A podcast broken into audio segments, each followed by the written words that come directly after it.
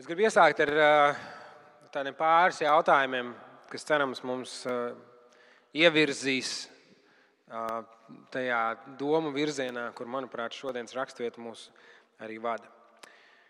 Pirmais jautājums ir, ko tu sagaidi no šīs dzīves?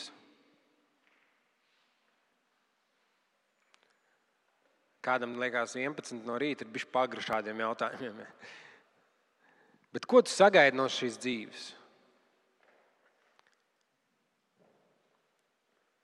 Kas ir tas, kas, kas liek tev celties no rīta un iet uz priekšu? Ko tu sagaidi, ko tu vēlies redzēt? Un skaidrs, ka dažādos vecumos mums ir nu, teiksim, dažādas prioritātes vai dažāds skatījums uz to, kas ir dzīve. Ja. Latvijam ir kas bija jāuzceļ māja, jāizaudzina dēls un jānosaka čūska. Pareizi, ja. Tas bija tas latviešu vīriešu stāsts. Es nezinu, par latviešu sievietēm nav folklorā, varbūt bijis tā. Bet... Ozols vēl bija jāiestāda. Ja? Nu, jā, kaut kas tāds. Tad, nu, tas tev ir jāizdara, tad, kad to es izdarīšu, nu, tad es varu mirt. Ja?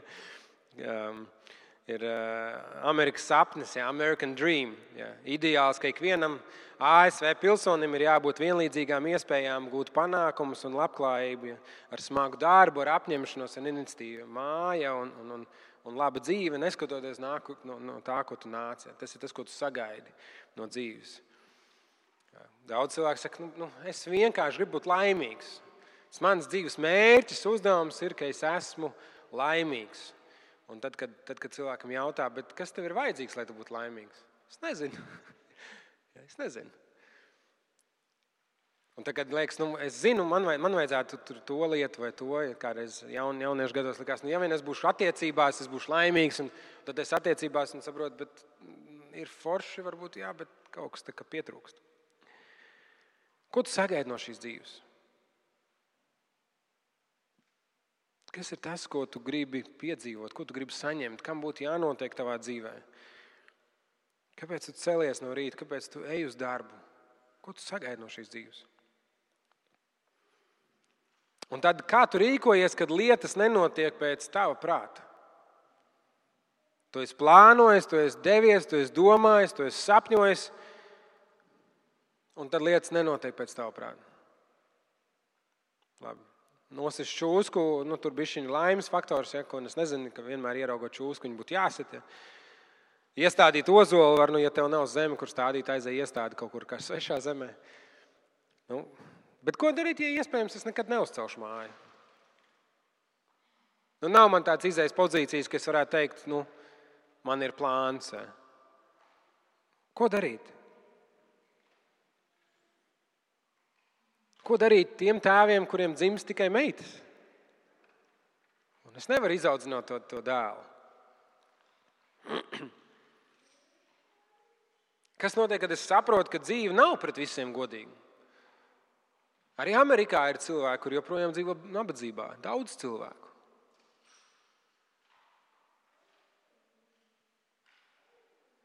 Kas notiek, ka tad, kad tu ej pēc kaut kāda karjeras vai pēc kaut kāda, pēc kaut kāda mērķa, un tu saproti, nu, lai kā es censtos, nu, man vienkārši kaut kas pietrūkst. Varbūt man ir talants, bet nav, man nav pazīšanās, varbūt man ir pazīšanās, bet, bet līdz galam es neesmu īstajā vietā un īstajā laikā, lai notiktu tas, ko es gribētu, lai notiek.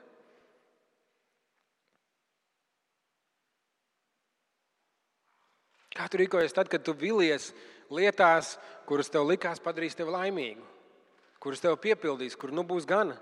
Un tu saproti, un tu saņem, un, un tu dabūni, un tu saproti, nu nav. Nu nav tā laime pilnīgi.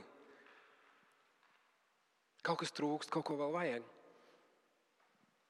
Kā tu rīkojies, kad lietas nenotiek tā, kā tu vēlētos, vai tā, kā tu biji iedomājies?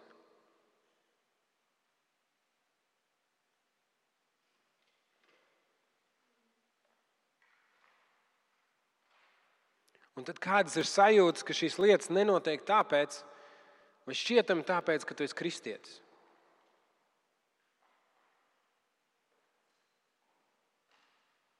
Vai tev ir bijusi kādreiz tā doma, tāpēc, ja es nebūtu kristietis, es varētu tā un šitā?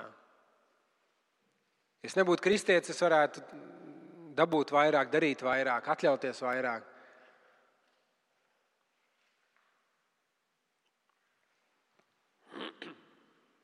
Mums ir kādas expectācijas pret dzīvi. Un, no vienas puses jau sapņot ir labi. Iet uz priekšu ir labi. Bet uh, ir svarīgi arī būt tajā realitātē ar abām kājām uz zemes. Un šodien, man liekas, šīs dienas raksturvieta mēs atgriezīsimies pie Marka Evanģēlijas 8. nodaļas. Mēs iesim cauri, tā kā tu vari atvērt un sekot līdzi.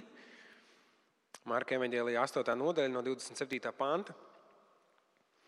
Un tur Jēzus atklāja kādu realitāti. Kādu realitāti, kas bija diezgan pārsteidzoša viņa mācekļiem. Un būsim godīgi, ja mēs ieraugam sevi tajā stāstā, tad tā var būt pārsteidzoša arī mums. Vispirms, pirmā lieta, ko mēs redzam, ka Jēzus ir ceļā ar saviem mācekļiem. Viņš ar viņiem gāja un viņš viņus izjautāja. 27. un 28. pants. Jēzus ar saviem mācekļiem gāja uz Filipa Cēzarīs ciemiemiem. Un ceļā viņš mācekļus izjautāja, ko ļaudis runā par mani, kas es esmu. Un tie atbildēja Jānis Kristītājs, un citi Ēlija, un citi viens no praviešiem. Jēzus runā ar saviem mācekļiem, ar kādiem, kas jau kādu laiku ir gājuši kopā ar viņu. Viņi ir redzējuši, kā Jēzus dara brīnumus, viņi ir dzirdējuši, kā Jēzus sludina par debesu valstību. Tie ir cilvēki, kuri ir atstājuši visu un seko Jēzum. Tie ir cilvēki, kuri pat piedalās kādos brīnumu darbos, kurus Jēzus veids. Viņi ne tikai vēro, bet viņi ir iekšā. Tie ir Kristus mācekļi, Jēzus sakotāji. Mēs varētu teikt, tie ir kristieši. Kristieši tādi paši kā mēs, tādi paši kā tu un es. Nu, izņemot to, ka Jēzus viņiem bija taustāms miesā. Ja. Un Jēzus viņiem jautā, ko cilvēki par mani saka? Ko tu dzirdi par mani apkārt? Ko cilvēki par mani domā? Kas ir šis Jēzus, kurš iet un sludina Dieva valstību, kurš dara brīnums? Kas viņš ir? Un es atceros, ka mācītājs Deivs Fairchilds, kurš uh, iepriekš bija Trinity draugs mācītājs, uh, stāstīja par kādu sarunu, kas viņam bija šeit uh, Rīgā, kādā restorānā. Ja nemaldos, tas bija Čārlstons, Tomas var man palabot. Um, viņš viesmīlēja, kur apkalpo viņa galdiņu, viņš viņai pajautāja, ko tu domā par Dievu? Uz ko šī viesmīla viņam atbildēja, es nedomāju. Es nedomāju. Manuprāt, tā varētu būt diezgan bieža atbilde. Sadiekoties ar cilvēkiem ārpus draudzes, ārpus kristiešu loku, viņam jautā, ko tu domā par Dievu? Viņš saka, īstenībā es par Dievu tā īpaši nedomāju. Man ir savs rūpes, savs skriešanas, savs darīšanas.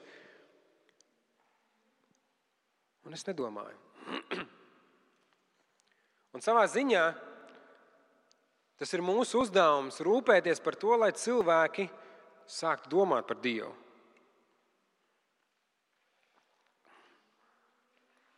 ka viņi sastopas Dievu, viņi sastopas savā ikdienā ar Dievu darbu, un viņiem nākas noformulēt savu viedokli. Protams, to mēs varam darīt dažādi, ir, ir veidi, kā to vajadzētu darīt, un ir veidi, kā to lūdzu nedariet.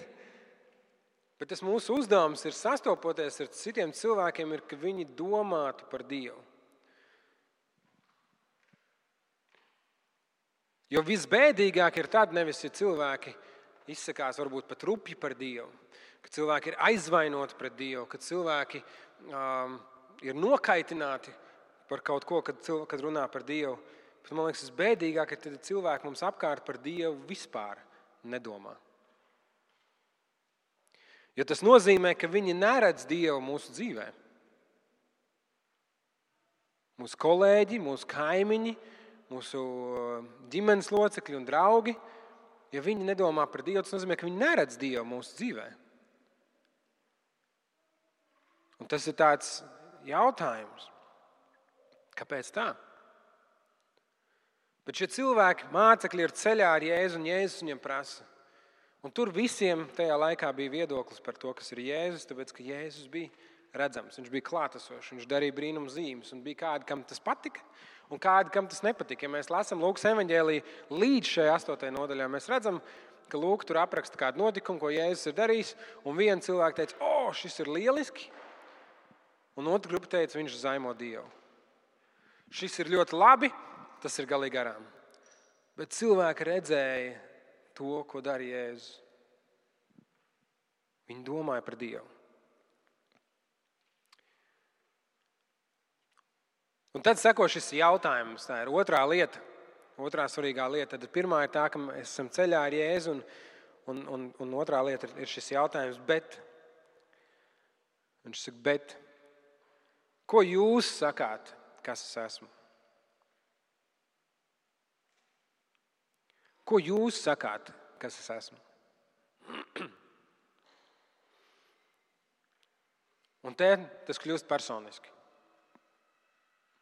Tad mēs nevaram veikt aptaujas, tad mēs nevaram aiz kāda paslēpties un teikt, ko tu domā? Mums nav opcijas zvans draugam vai izvēlēties opciju 50-50, ja, 50 uz 50. Ja es saku, ko jūs sakāt, kas es esmu? Mums ir svarīgi dzirdēt, ko cilvēki mums apkārt domā par Dievu. Un ir labi, ja mēs viens, viens no otra varam mācīties un stiprināties ticībā un iedvesmoties. Bībele mums pat māca, ka mēs viens otram esam vajadzīgi, lai izdzīvotu savu ticību. Nemaz nerunājot par to, ka mēs pieaugam savā ticībā. Bet ir brīži, un šie brīži ir ārkārtīgi svarīgi, un vajadzīgi. Un tie ir brīži, kad mēs esam vieni paši un mums nav aiz kā paslēpties. Šajos brīžos mēs nevaram teikt, mans mācītājs teica to, mans vīrs vai mans sieva domā šādi, vai varbūt YouTube es dzirdēju šito. Tie ir tie brīži, kur Dievs grib dzirdēt, bet ko jūs sakāt? Kas es esmu? Kas es esmu? Kas es esmu tev? Ko tu atbildēsi? Kāpēc tu esi šeit šorīt? Ko tu sagaidi? Un tad seko šī nākamā lieta, un tā ir šī atklāsme, kur Pēters atbild un saka, tu esi Kristus. Tu esi Kristus. Un uh, mums tas neskan tā, kā tas skanēja tajā brīdī. Tu esi Kristus, mums liekas, nu, tu, esi, nu, tu esi tas. Ja? Nu, tā. Bet tas ir tas brīdis, kur iedomājaties, ka piemēram kāds, kāds vīrietis savā prātā pēkšņi saprot par, par savu draugu. Viņš saka, tu esi īstā. Tu esi tā vienīgā, tu esi tā. Tas ir tas, ka tu, piemēram, liec puzli, un tu meklēji gabaliņu, kas tev tur trāpa, un tu saproti, es atradu, tas ir tas īstais. Šitais, viņš te der. Tu esi Kristus, tas tajā brīdī visi tā. Okay. Tu esi tas, ko mēs esam gaidījuši. Tu esi tas laimes piepildījums, tu esi tas atbrīvotais, tu esi vēsts no Dieva.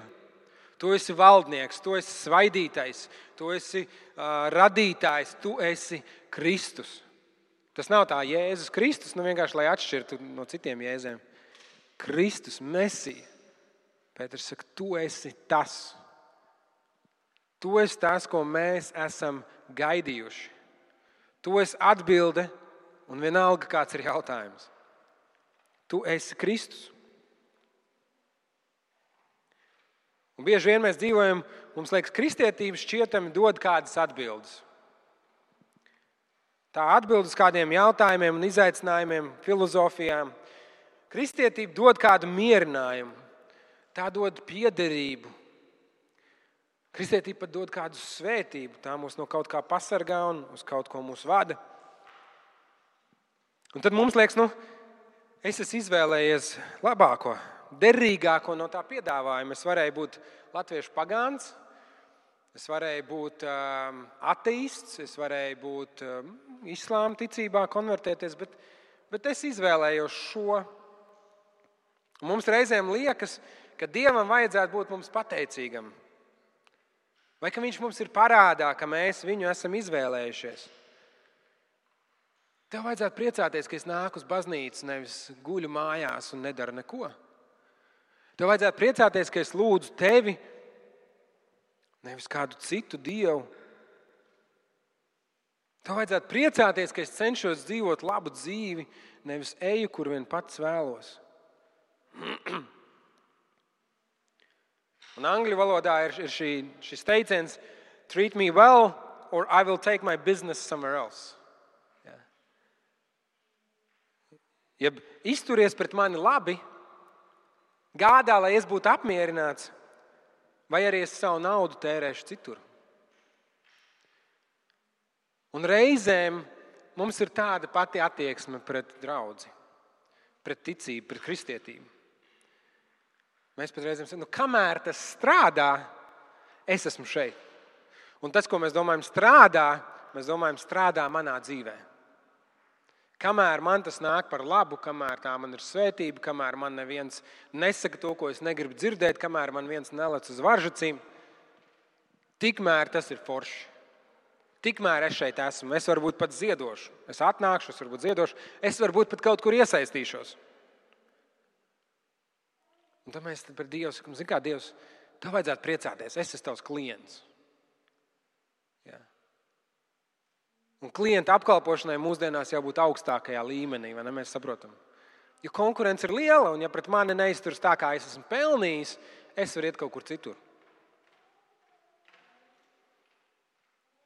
Un kad Dievs kaut ko izdara ne tā, vai pieļauj kaut ko ne to, ko mēs bijām gaidījuši, ne to, ko mēs iedomājāmies, ko mums vajadzētu saņemt no savas dzīves, tad mēs uzmetam lūpu. Un varbūt, varbūt tā mūsu lūpas uzmešana neizpaužās kā pret Dievu kopumā un kristietību, bet nu, mēs ejam prom no šīs draudzes, mēs esam uz citu draugu. Bet patiesībā tas ir pavisam otrādi. Dievs mums ir devis šo dāvanu būt par viņa bērniem. Dievs mums ir devis dāvanu viņu, padzi, viņu pazīt, viņu piedzīvot. Dievs mums ir devis dāvanu saņemt no viņa svētības un paļauties uz mūžīgās dzīvības apsolījumu. Tas nav mūsu nopelns, mūsu izpratne, mūsu izvēle.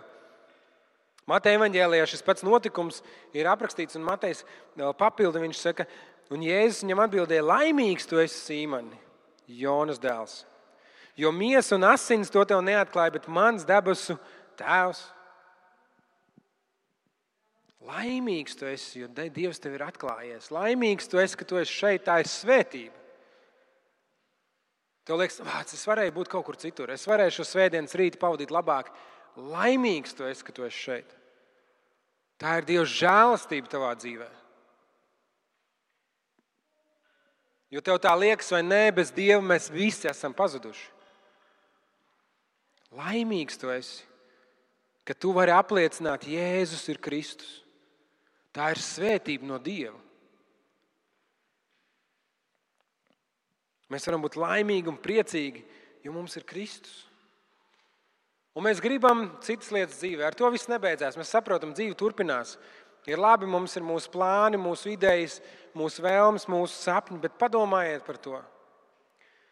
Šajā brīdī varētu sākties Trešais pasaules karš. Šajā brīdī varētu sabrukt, sabrukt rietumu politiskā sistēma un sagrūt ekonomiskā situācija. Galu galā varētu gadīties ugunsgrēks, autoavārija vai nākt kāds nāvējošs vīruss. Bet, lai kas arī notiktu, mums ir Kristus. Es nesaku, kā devai mirsim, visi forši mirsim. Tieši otrādi - dzīvosim. Dzīvosim, jo mūsu dzīves ir Jēzus Kristus rokās. Pat nāve to nespēs izmainīt. Pat nāve to nespēs izmainīt. Mums vairs nav jāskrien kā tādiem kāmīšiem riteņī, ritenī, un, lai atrastu to pareizo ceļu, to, to kā būt, kā dzīvot. Mums nav jādzīvo tādā neziņā, un nespējā un nespējā, sagrūstot šīs dzīves smagumam, smagumu priekšā. Bet mums ir Kristus. Mums ir Kristus. Lai kas arī notiktu, mums ir Kristus. Tāpēc, ja es saku, laimīgs tu esi Sīmani, laimīgs tu esi Sīmani, tā ir svētība, tā ir žēlastība. Un tad seko izaicinājums. No 31. panta. Un viņš sāk tos mācīt. Cilvēku dēlam būs daudz jācieš, jātiek vecajo virspriesteru un raksturmācītāju atmestam un nonāvētam, un trešajā dienā tam būs augšām celties. Un viņš runāja šo vārdu pilnīgi atklāti. Un Pēters viņu sāņus vedis, sāka viņu apsaukt. Bet viņš pagriezās, uzlūkoja savus mācekļus, un Pēters apsaugdams sacīja: Atkāpies no manis, Sātana! Tu nedomā pēc dieva, bet pēc cilvēka prāta. Un piesaucis klāt ļaudis un savus mācekļus, viņš, tiem, viņš tiem sacīja: Kas man grib sekot, tas lai aizliedz sevi, lai ņem savu krustu un seko man.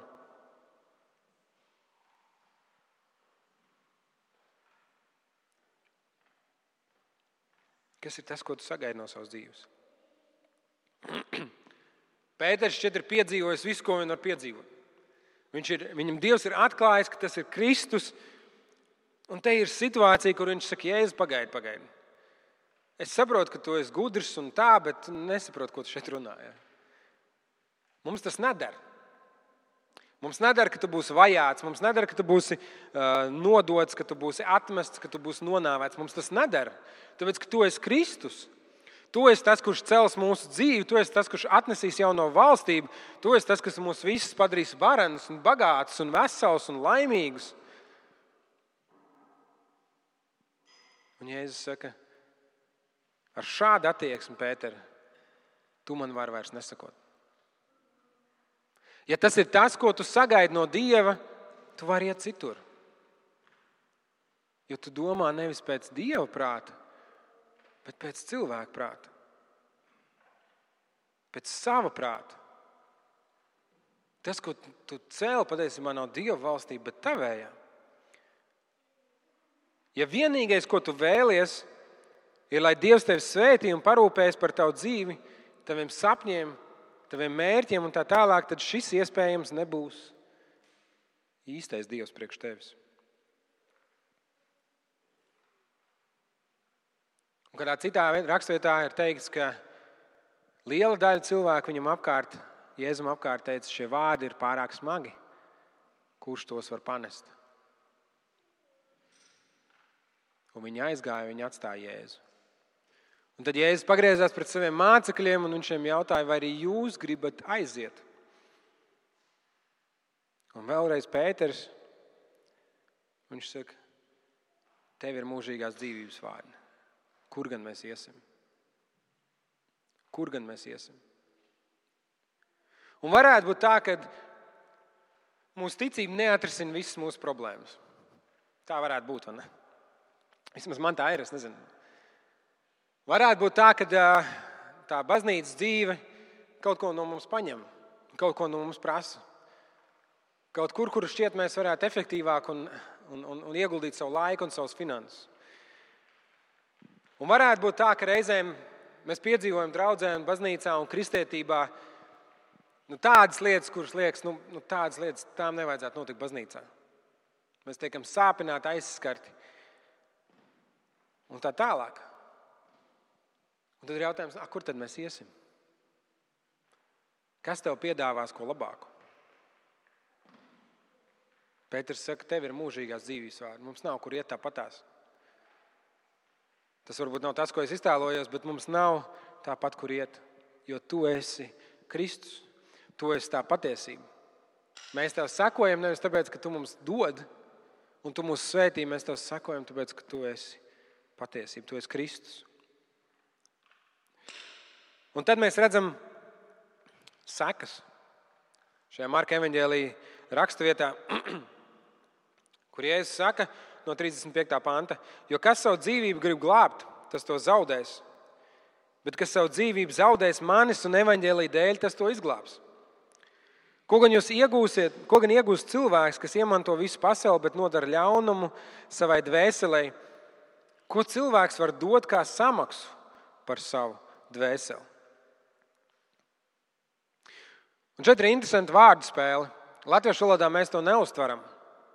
Es nezinu, vai tā bija vārdu spēle tajā laikā. Bet um, kas notiek vārdiem. Tagad, mēs lasām, kas savu dzīvību grib glābt, tas to zaudēs, bet kas savu dzīvību zaudēs manis un evaņģēlī dēļ, tas to izglābs. Un tas jau gandrīz velk uz tādiem džihādistiem, ja, kur, ja tu savu dzīvību atdos, tu uzreiz nokļūsi paradīzē. Bet šis vārds dzīvība ir uh, vārds, kurš rakstās ļoti līdzīgi vārdam psihe. Izrunājas psihei. Un šis vārds dzīvība ir tieši tas pats vārds, kas šeit tiek lietots kā dvēsele. Tad šajos divos pantos, no 35. līdz 37. pantam, šis viens vārds, tas viens un tas pats vārds, ir lietots četras reizes. Un latviešu divreiz viņš ir iztulkots kā dzīvība, un divreiz kā dvēsele.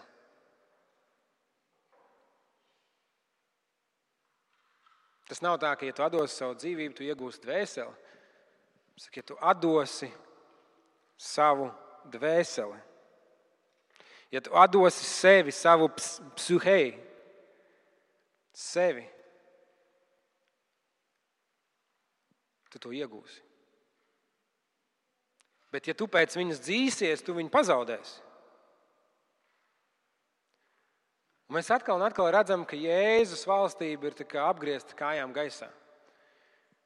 Mūsdienās mums cilvēki teiks, galvenais, ka tu esi laimīgs. Padomā par sevi. Kā tu jūties? Un Jēzus saka, ja tu pēc tā atzīsies, ja tu dzīsies pēc savas labsajūtas, savas labklājības, savas veselības, savas bagātības, savām interesēm, saviem hobijiem, ja tas ir tavs dzīves centrā, saka, tu to pazaudēsi. Tu pēc tās dzīsies, bet tu to pazaudēsi. Un jo vairāk pēc tās dzīsies, jo nelaimīgāks tu būsi. Tas ir tāds, jo laimīgāks tu gribi kļūt, jo nelaimīgāks tu kļūsti. Jo tu atkal un atkal pievilies šajās lietās. Tev liekas, ja vien skaistums ir tas, kas man apmierinās. Fiziskā veselība ir tas, kas man piepildīs. Vīrs vai sieva būs tas, kas man ir nepieciešams. Bērni būs mans galīgais piepildījums. Labs darbs būs tas, kas man beidzot liks justies labi par sevi. Labs izskats, laba karjera, laba hobija, laba atpūta. Un tā mēs varam iet tālāk un tālāk un tālāk. Un tas viss tev pieviļ. Un tas viss tev iztukšo. Un tas viss no tevis paņem. Un tu dzenies pēc tā, un tu to zaudē. Un jo vairāk tu pēc tā dzenies, jo vairāk tu to zaudē. Un Jēzus saka, bet kas savu dzīvību grib glābt, tas to zaudēs, kas savu dzīvību zaudēs manis dēļ. Tas, kas no tā atteiksies un teiks, es jēzu nē, pēc sevis, es eju pēc tevis. Un reizēm mēs tā dzīvojam, tā sērīgi. Mēs sakām, citiem ir nauda, citiem ir karjera, citiem ir laba dzīve, bet nu, mums, mums, mums ir Kristus. Tā tāda samierināšanās. Psalmos mēs varam lasīt, kur reizēm ķēniņš Dārvids un citi autori saka, nu kā paskaties. Visiem tiem ļaudariem ir visa, kā viņiem nav nekādas dzīves rūpju. Naudas netrūkst, varas netrūkst, sieviešu netrūkst, viss, viss ir labi. Bet man, un reizēm mēs tā dzīvojam savā ticības dzīvēm. Tā vietā, lai mēs novērtētu to, ka mums ir Kristus un mēs varētu teikt, mēs esam laimīgi. Mēs iekšā jūtamies kā tādi lūzeri, tāpēc ka visiem citiem viss ir. Un visiem citiem ir tik forši un tik labi, un viņi ir tik svētīti. Un te Jēzus saka, ja mēs savu dzīvi, savu dvēseli investēsim kaut kur citur, nevis Dievā, tad mēs to pazaudēsim. Mums reizēm liekas, nu, šobrīd man svarīgi ir koncentrēties uz sevi, manai ticības dzīvei, garīgām disciplīnām un draudzēji. Nu, es nolikšu to malā, es ieguldīšu sevi karjerā. Un tad viena trauma, viena slimība vai viena kļūda pārvelk svītru pāri tavai karjerai. Visu enerģiju veltīja biznesa būvēšanai, Draugiem un ģimenei nemaz nerunājot par draugu, neatstājot laiku Un pēc laika nāk krīze, biznesa bankrotē. Ģimene tev ir pametusi un draugi ir pārcēlušies citur. Tu cel māju savai ģimenei, atstājot attiecības un garīgo izaugsmu novārtā. Beig beigās ģimene izjūg, sieva tev pamet un māju savāc sev.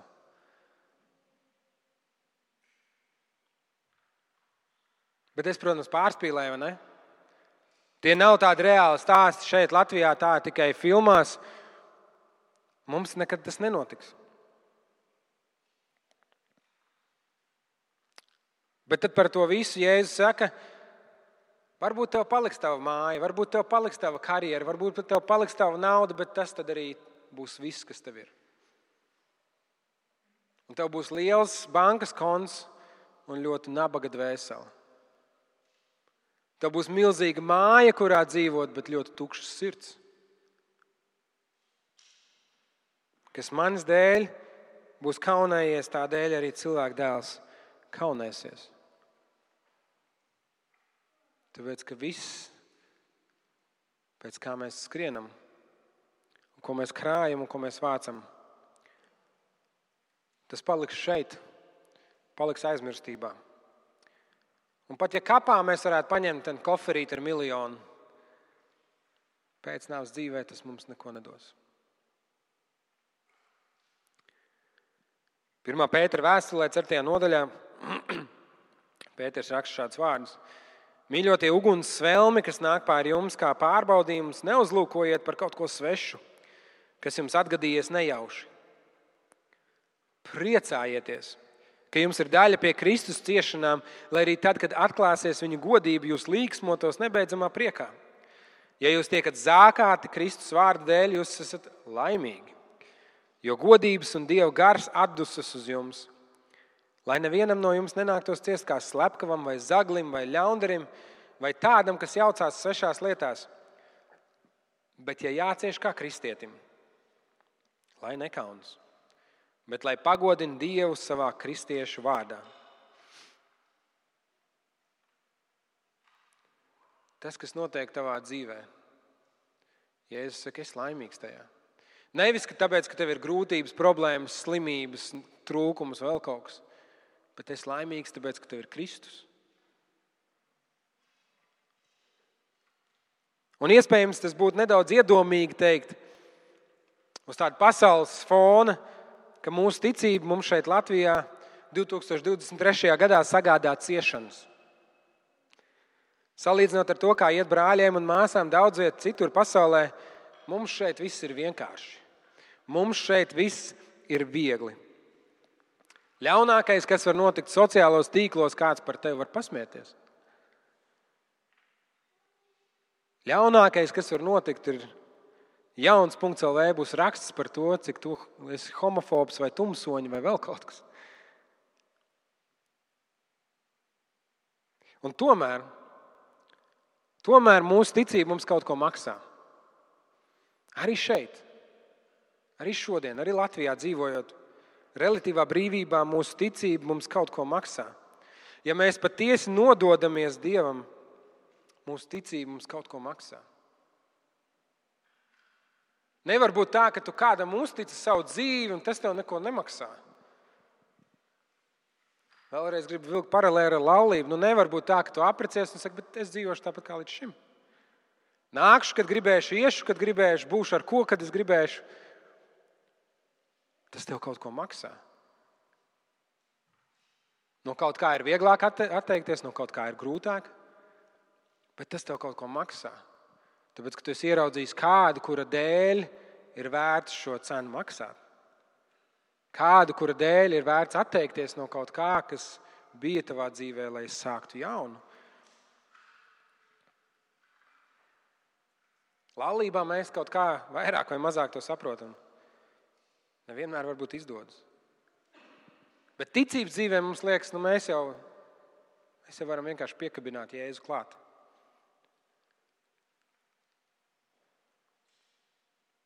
Bet, ja tava ticība tev neko nemaksā, tad tu seko savai idejai par Dievu, nevis patiesamam dzīvajam Dievam. Ja tava ticība tev neko nemaksā, tad iespējams tu esi Dievu ielicis savā kabatā nevis savu dzīvi uzticējis Dieva rokās. Un, ja tev ticība tev neko nemaksā, tad tev jāatgriežas pie jautājuma, kas ir Jēzus. Tev jāatgriežas pie jautājuma, ko tu saki, kas es esmu. Vai viņš ir kāds skolotājs, kur trūkst gudrība, un tad es varu piezvanīt, vai iegūglēt un pameklēt? Vai varbūt viņš ir veiksmes un svētības rūtīts, kad iet grūti, tad es izvelku no tās kabatas un paberzēju? Vai arī viņš ir Kristus? Īstais un patiesais, Dieva sūtītais, par grēkiem nonāvētais, no nāves uzceltais. Kristus, kas ir alfa un omega, kas ir iesākums un gals, kas ir lauva un jērs. Kristus, kurš ir kungu kungs un ķēniņ ķēniņš.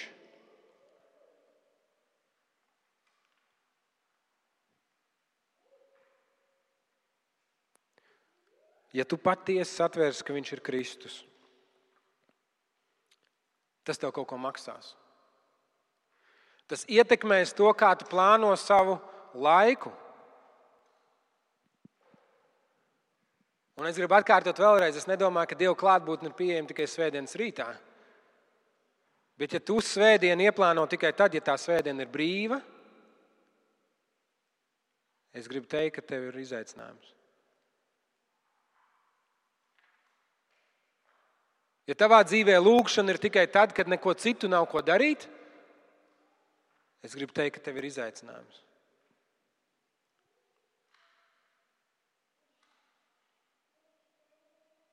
Ja tu patiesi atvērsi, ka, ka, ka viņš ir Kristus, tas ietekmēs to, kā tu lieto savu naudu.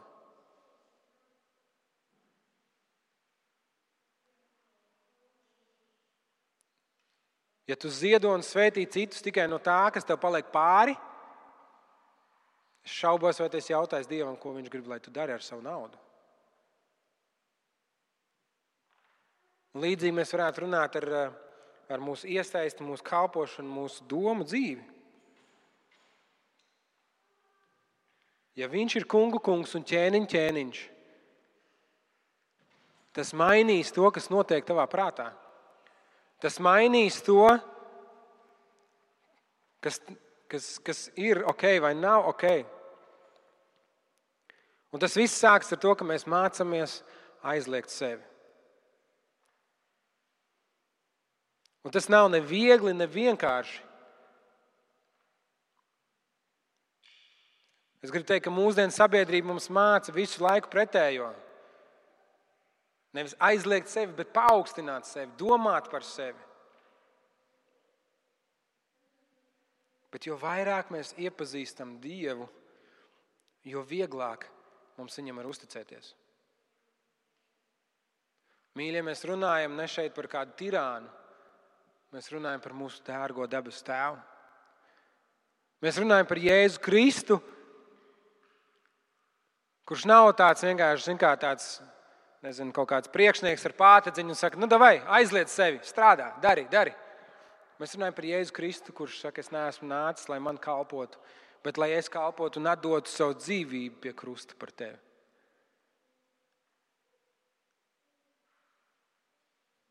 Mēs runājam par Dievu, kurš kļuva par cilvēku, nāca dzīvo šeit, tika pazemots un izsmiets par radītāju, kur radība viņu piesita krustā un kurš to darīja aiz mīlestības pret tevi. Jo vairāk tu iepazīsti Dievu, jo vieglāk viņam ir uzticēties. Jo vairāk es ieraugu, cik Dievs manā dzīvē ir bijis labs, un cik Viņš ļoti man ir svētījis, un cik daudz Viņš man ir pasargājis, jo vieglāk man ir pieņemt, ka tā ideja par to, kāda būs mana dzīve, ka viņa nepiepildās Un vieglāk man ir teikt, ne mans prāts, bet tavs, lai notiek. Un noslēdzot, es gribu izlasīt vārdus no Marka Evanģēlīja desmitās nodaļas, sākot ar 28. pantu. Un tad Pēters ierunājās, redzi, mēs visu esam atstājuši un esam tev sekojuši. Un Jēzus sacīja, Patiesi es jums saku, nav neviena, kas atstājis māju vai brāļus, vai māsas, vai māti, vai tēvu, vai bērnus, vai tīrumus manis un evaņģēlī dēļ. Nesaņemt simtkārtīgi jau šajā laikā mājas, un brāļus, un māsas, un mātes, un bērnus un tīrumus, kaut ar vajāšanām. Un nākamajā laikā mūžīgo dzīvību. Daudz pirmie būs pēdējie, un pēdējie pirmie.